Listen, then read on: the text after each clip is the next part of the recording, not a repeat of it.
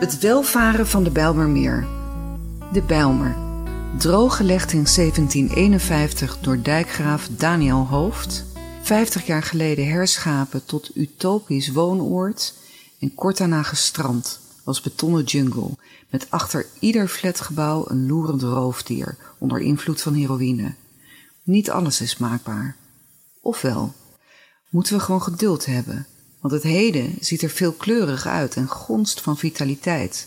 Via Diemerbos en Strandvlietpad fiets ik rond lunchtijd met een hete wind in de rug langs groene oevers, begroeid met fluitenkruid en wuivend riet naar het Bijlmerplein.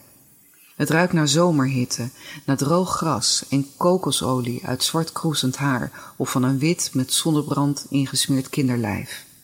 Omdat de bibliotheek op maandag pas om twee uur open gaat, heb ik tijd om rond te kijken en te vragen waar de bibliotheek precies is, want aan herkenbaarheid ontbreekt het.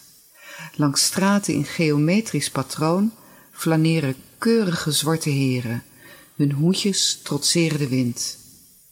Jongens slungelen met swag en laaghangend kruis en een aantal vrouwen neemt stijl iets minder nauw, maar nauw wel heel letterlijk.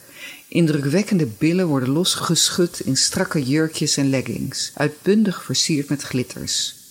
Een enkele dame draagt een gedrapeerde hoofdtooi in een felgekleurde flisco wax hollandais. Geen oude traditionele vrouw, maar een stijlvolle schoonheid in een strak gesneden jurk. Het woord vier past haar als een maatpak.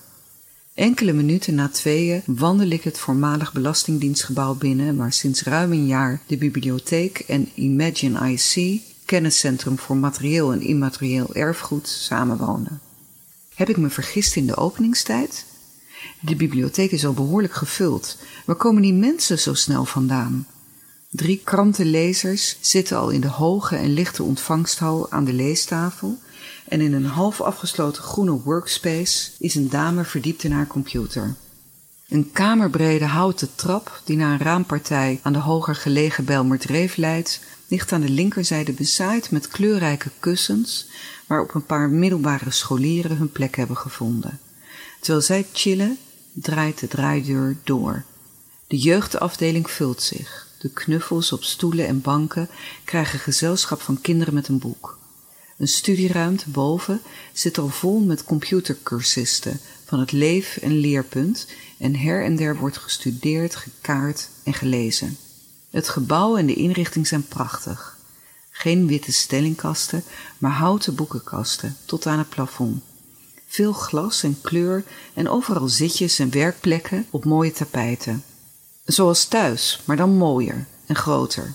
Boven de brede trap pronkt een traditionele Ghanese Fanticano uit het Tropenmuseum. Hij is onderdeel van de tentoonstelling Ghana Thuis, een project van Imagine IC.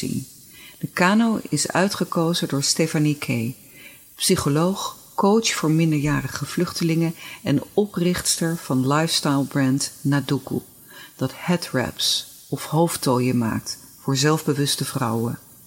Met deze kano in huis is Amsterdam voor haar meer thuis, zegt ze.